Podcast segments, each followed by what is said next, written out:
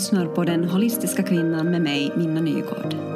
En podcast om kvinnor och kvinnlighet.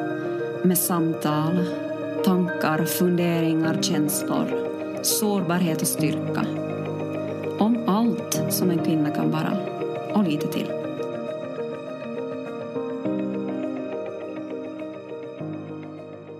Hej och välkommen till Den holistiska kvinnan.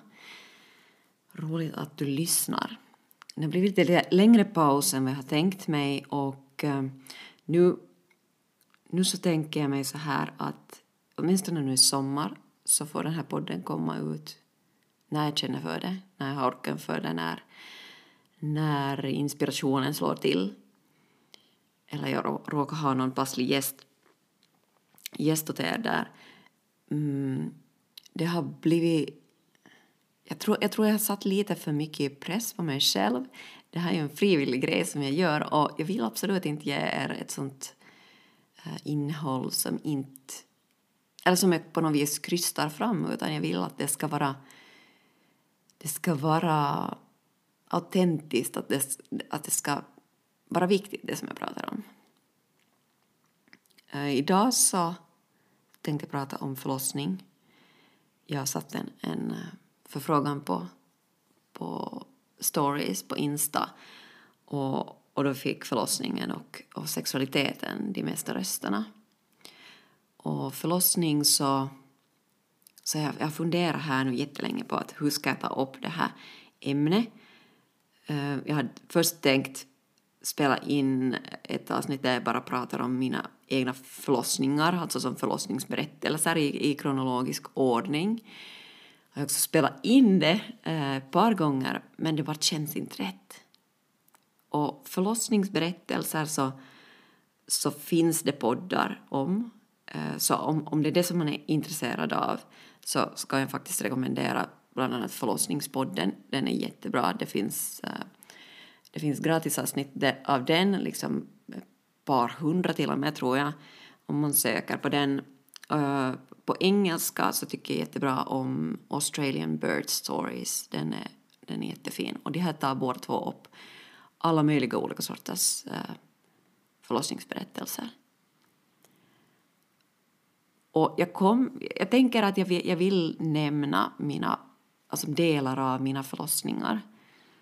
Men det är inte det som är det viktigaste, att ni ska få höra vad jag har, eh, exakt det som jag har gått igenom. Och, och så tänker jag också att en förlossningsberättelse är ju alltid subjektiv.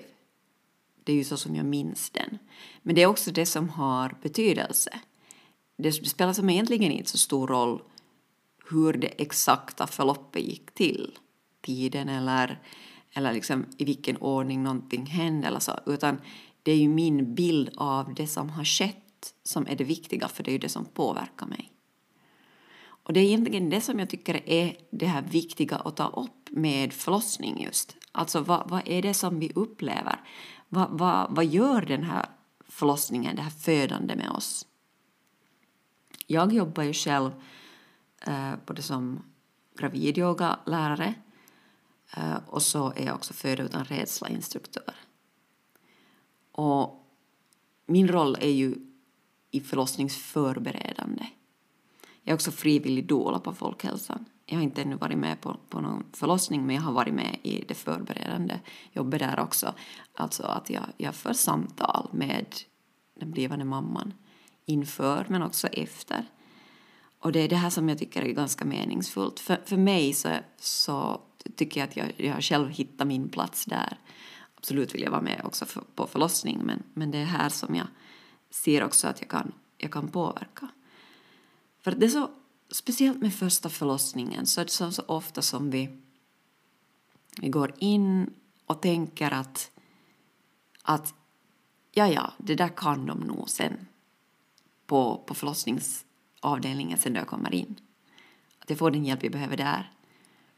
Och, och tänker inte på att vi faktiskt, att det finns saker som vi kan göra för att förbereda oss.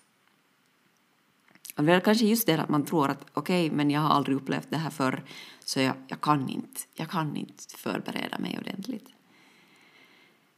Men efter att dels ha upplevt, upplevt förlossningar själv och i och med att jag har nu också gått mina utbildningar och lärt mig otroligt mycket om det här, hur vårt psyke, hur, hur vår inställning och liksom, hur vår hantering helt enkelt eh, påverkar det som sker, så finns det massor som vi kan använda oss av för att få en så positiv upplevelse som möjligt. Och just det här med, med hantering, därför att det, det, är ofta, det är ofta den här stressen och, och rädslan då ibland som kommer in och stör. För födande som en fysiologisk funktion är en, autonom, alltså en automatisk funktion som kropp, kroppen kan. Vi har fött på samma sätt i ungefär 30 till 40 000 år. Rent biologiskt och fysiologiskt så har det sett likadant ut. Så det här är en sak som är nedärvd i kroppen och någonting som, som sker helt automatiskt. Uh, som exempel kan man ge det att, att en kvinna som är gravid men som av någon anledning eh, ligger i koma så när, när tiden är inne så kommer faktiskt hennes kropp att helt, helt av sig själv börja föda och föda ut det här barnet. Så att så kraftig är den här funktionen att det faktiskt, det är faktiskt helt möjligt att, att det händer. Så den där, den där förmågan finns i oss. Men, men grejen är ju den att, att liksom när en kvinna sen ska föda för första gången så då är det ju första gången för henne. Alltså det, det spelar som ingen roll att, att den här kroppen kan det om inte vi tillåter kroppen att göra det.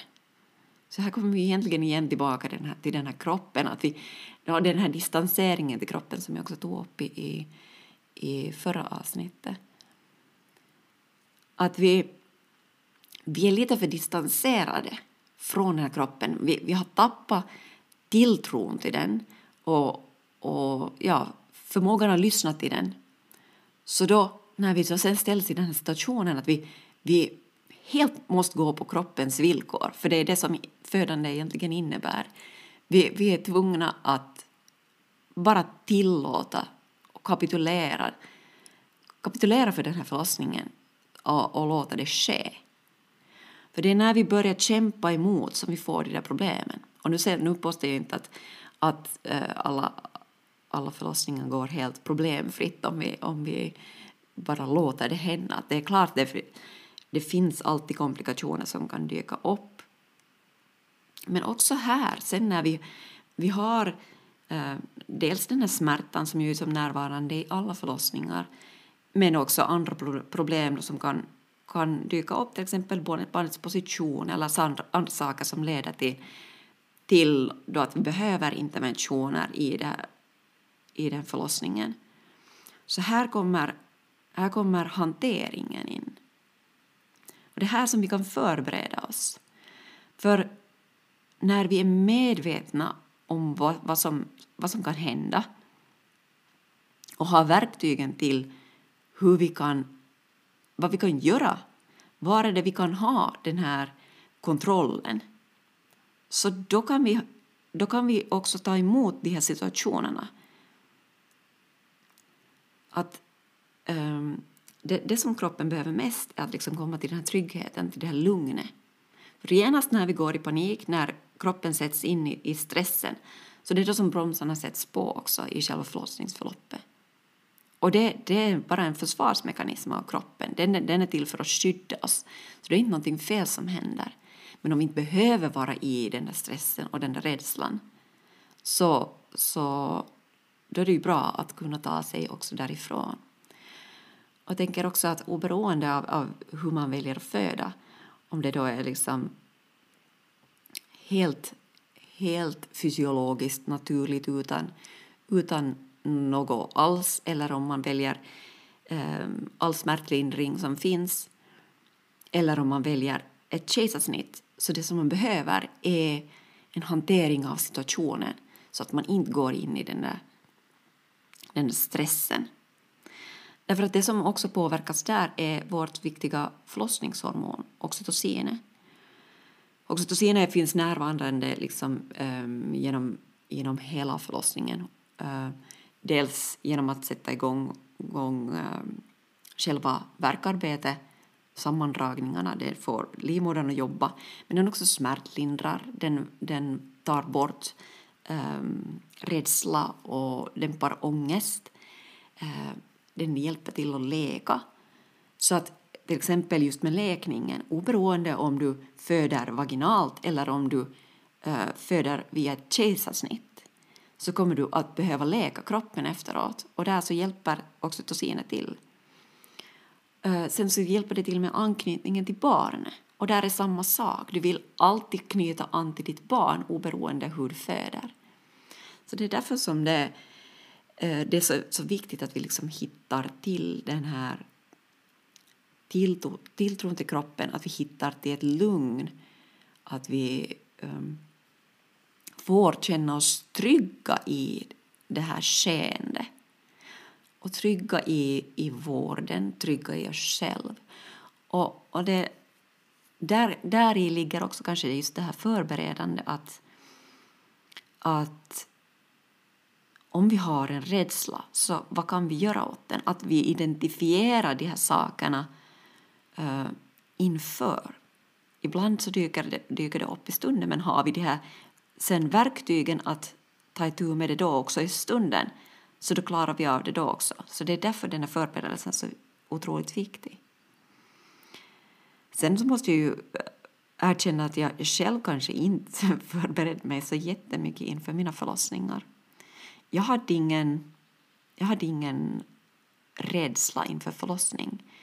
Och det här är ganska, ganska för mig själv så är det eh, intressant att se på just med tanke på att, att jag har haft ett, ett, ett ganska dåligt för, för, förhållande till min kropp med lite ätstörningar och, och sådär stora krav och, och sånt. Men när det kom till förlossning och att föda så, så hade jag faktiskt inga rädslor utan istället en faktiskt otroligt stor tilltro till min egen kropp.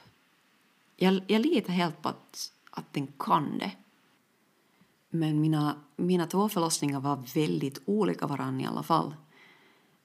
Um, dels dels i, i hur förloppet började men också sen i hur, uh, hur jag kände mig i det det var, en, det var olika stämning på rummet.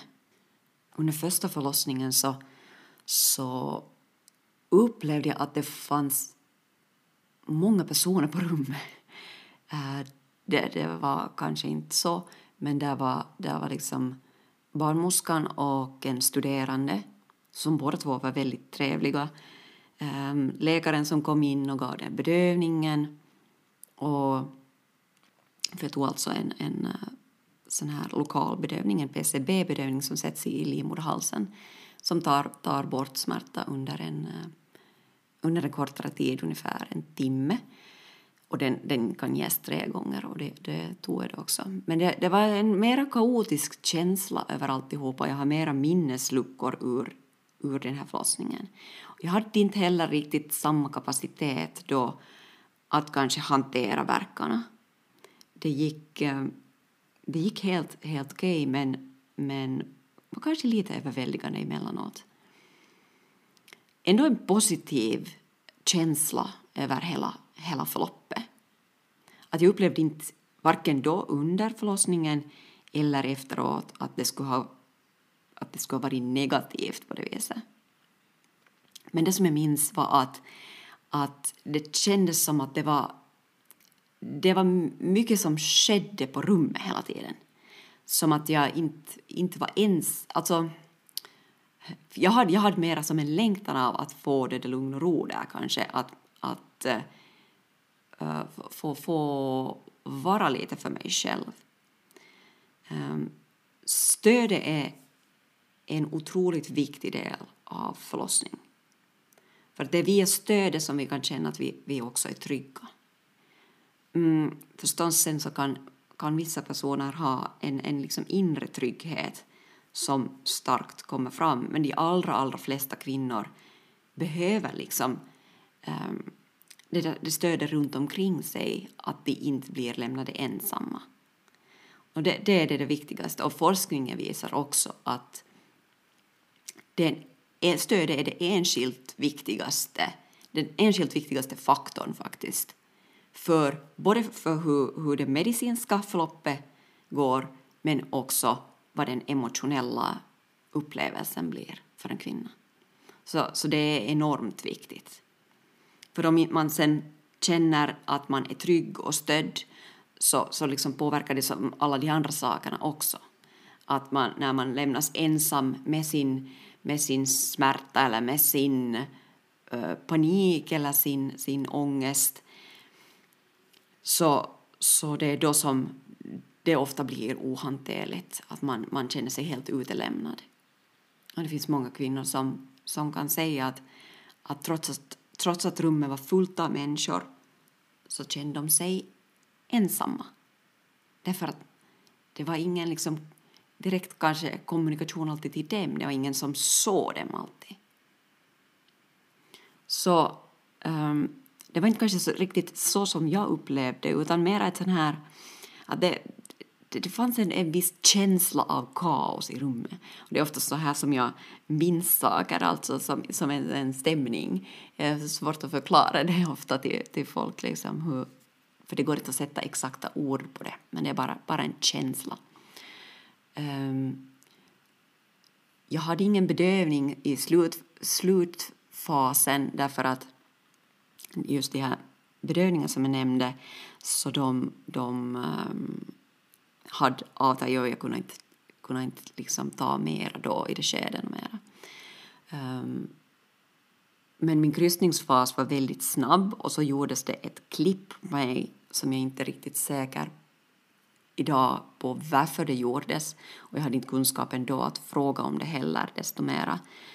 Uh, men uh, det kan hända att det förloppet gick, gick lite väl snabbt och, och det behövde underlättas för att för att minska ytterligare bristning eller någonting liknande. Jag är inte helt säker.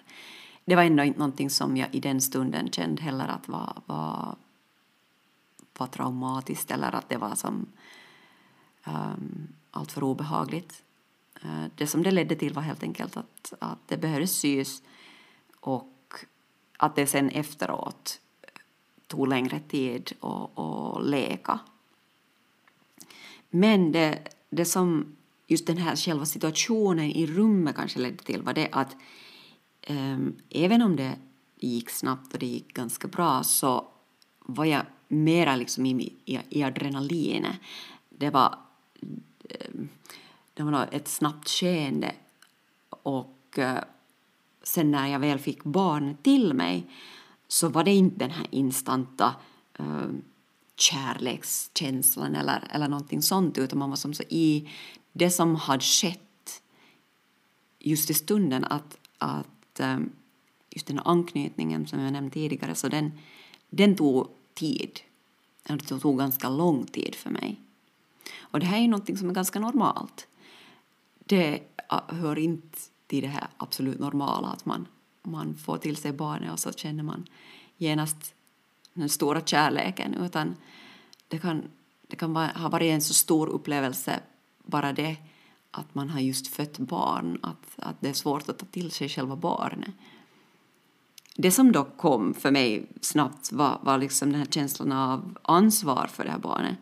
Att instinkten att, att helt enkelt ta hand om det, att, att nu ska jag amma det här barnet, nu ska jag se till att se till att det överlever helt enkelt.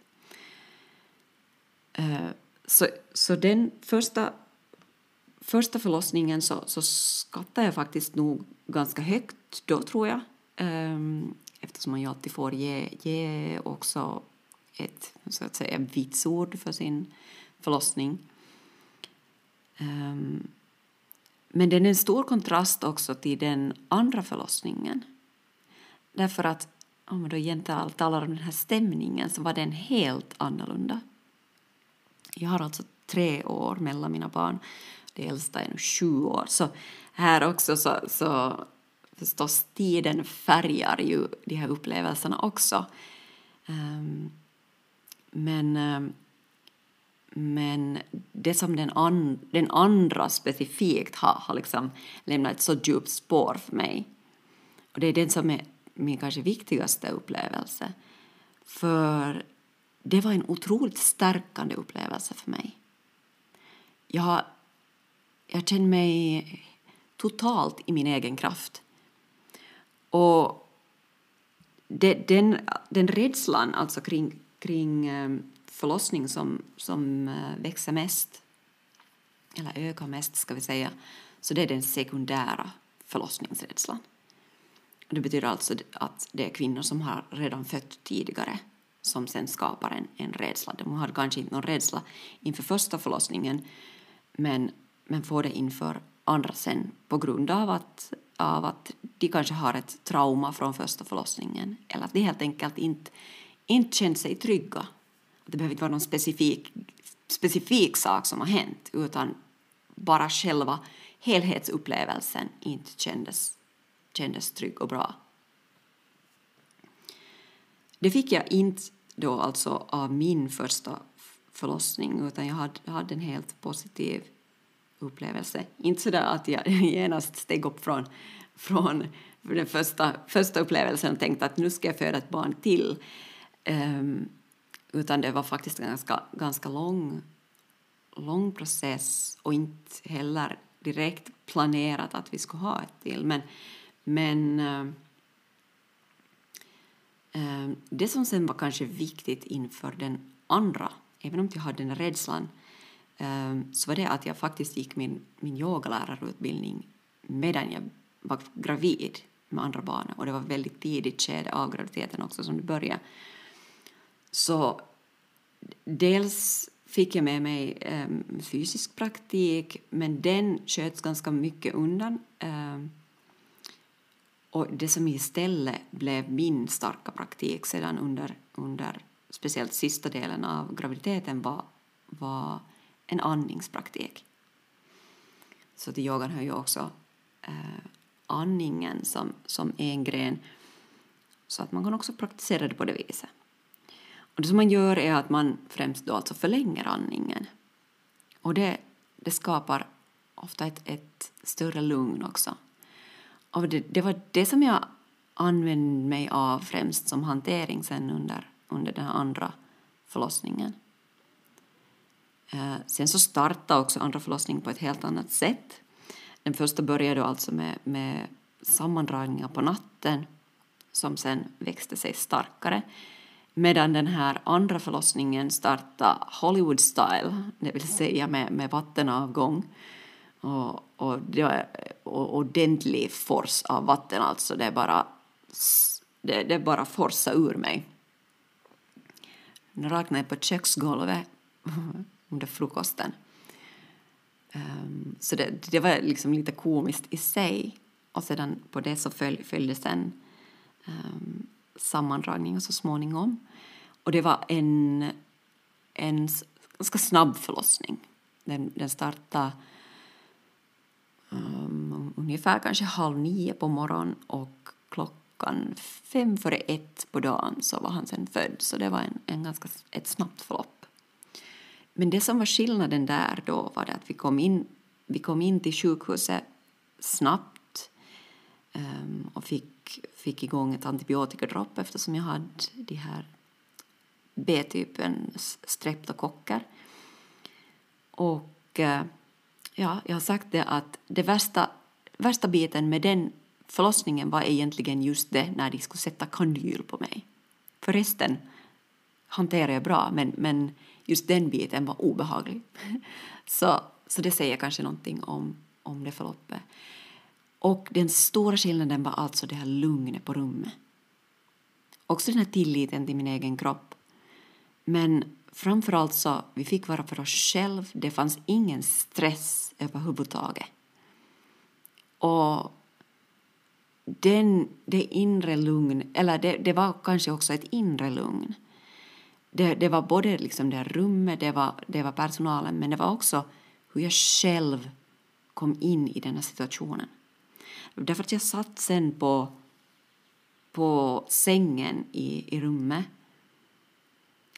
Eh, med knäna, knäna böjda, som är alltså fötterna bakåt och liksom luta mig bakåt i varje sammandragning och liksom lät kroppen följa med.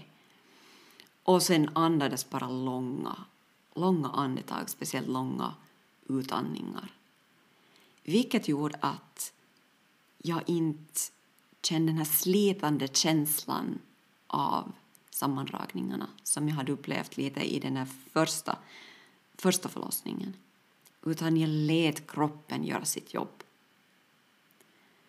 Och det, det, det gick som sagt ganska snabbt. Jag öppnade mig i lugn takt. Jag hade inget behov av någonting som någon smärtlindring eller någon, någon, någonting sånt. Min man fanns där bredvid mig och, och jag hade inget behov av någonting annat därför att jag, fanns, jag var så, så närvarande i min egen kropp. Och mot slutet sen så, så stod jag sen bredvid sängen och för varje sammandragning sjönk jag ner mot golvet och liksom eh, höll mig bara fast i sängen och, och hängde i den. Och eh, jag minns den här känslan av att, av att på något vis identifiera och känna igen mig i den här fasen att det här känns bekant från förra förlossningen. Men det här var det där absolut sista som, som hände förrän jag kom in i krystfasen. Alltså jag kände igen eh, vad ska jag säga, sammandragningens eh, eh, karaktär, om man vill säga som så. Och tänkte att okej, okay, jag, hoppas, jag hoppas att i det här skedet nu är väldigt nära. Därför att om det, om det blir så här intensivt så då behöver jag någon annan hjälp också. Men eh, det var då som en sammandragning som sen övergick till ett starkt krystbehov.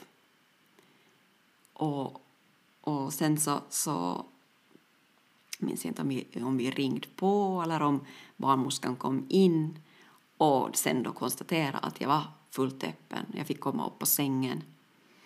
Och eh, den här gången så ja, det, det kan jag nämna, för, första förlossningen så födde jag sen, eh, eller krystade jag på, på förlossningspall.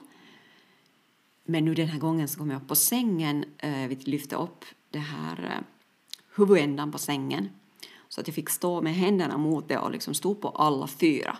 Så att det var lite nedåtlutning i alla fall, men så att barnmorskorna stod sen bakom mig.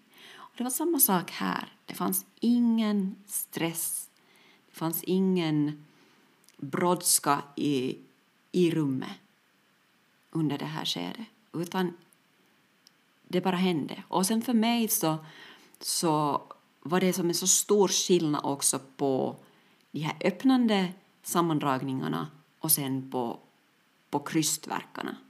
För att jag, upplevde, jag upplever personligen inte att krystverkarna är smärtsamma utan det är mera kraftfulla, det är liksom tryckande. Så att det är en stor skillnad där också i liksom hur det känns i kroppen. Uh, igen så gick det här uh, kryssningsskedet väldigt snabbt, det tog bara kanske tio minuter. Uh, och den här gången så, så skedde det helt utan, utan några interventioner. Uh, och det ledde bara till sån här alldeles små bristningar i, i slemhinnan som inte, som inte krävde ens något stygn. Så, så läkningen gick ju också mycket, mycket snabbare. Eh, och jag, jag, hade en helt annan rörlighet i kroppen sen förstås också efteråt. Och det gick att, och, och, det gick att sitta och det gick att och, och vara mer naturligt. Och sen förstås så, så påverkade det ju sen också hur jag kunde ta till mig barn efteråt. Så med, med det här lugnet i kroppen, med mera oxytocin i systemet så, så var det lättare också att, att ta emot sitt barn. Och, och det påverkar sen också den här tiden efter förlossningen. Sen så, så hade, hade jag ju förstås kunskapen sen tidigare hur man ammar till exempel, vilket också gjorde att det var, var lättare att, att sätta igång den processen. Man känner till ställningar och man känner till greppen och allt, allt möjligt sånt. Eh, men jag, jag klarar också av att ta nätterna på ett annat sätt. För mig så har, är den första månaden uh, efter att barnet har fötts så känner jag uh, att det är lite, lite jobbig. Uh, och det här, det här är personligt, det är individuellt för allihopa. Men för mig så, så var det en liten sån här ångestfylld period, speciellt nätterna.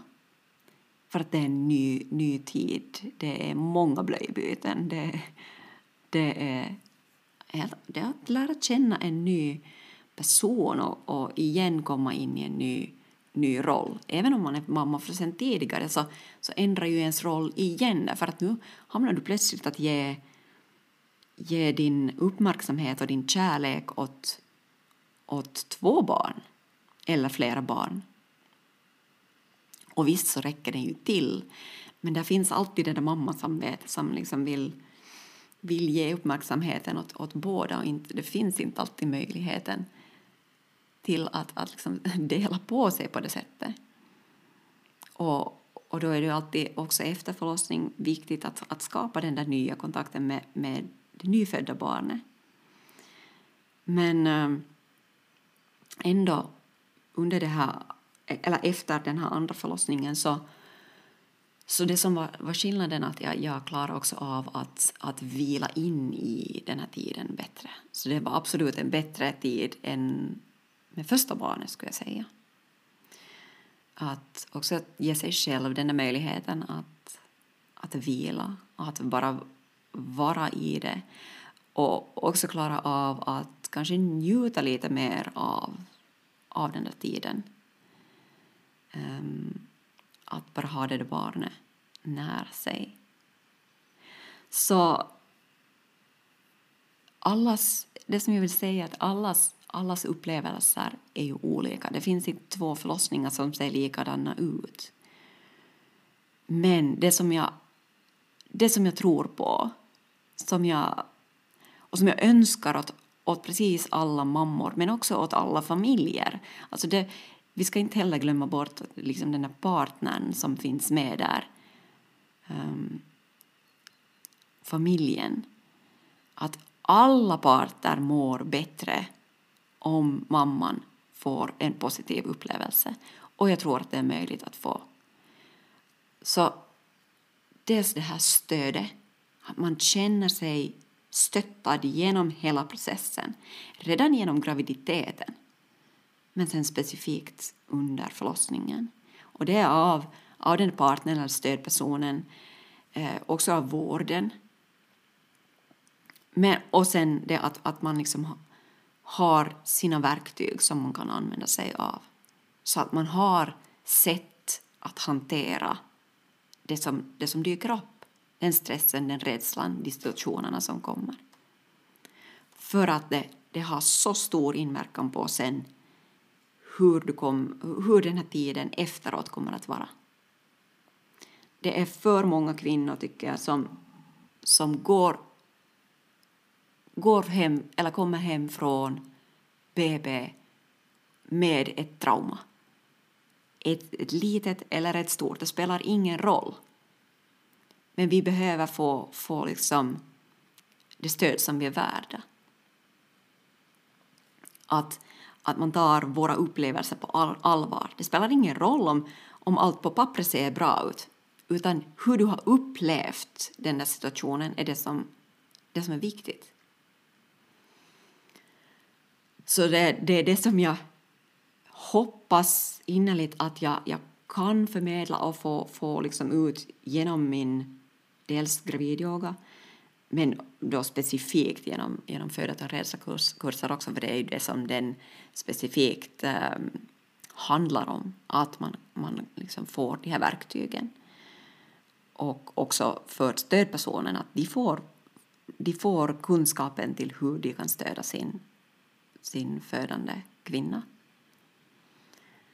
Och sen också det att, jag tror, jag tror också att vi pratar lite för lite om våra förlossningsupplevelser, vi kvinnor.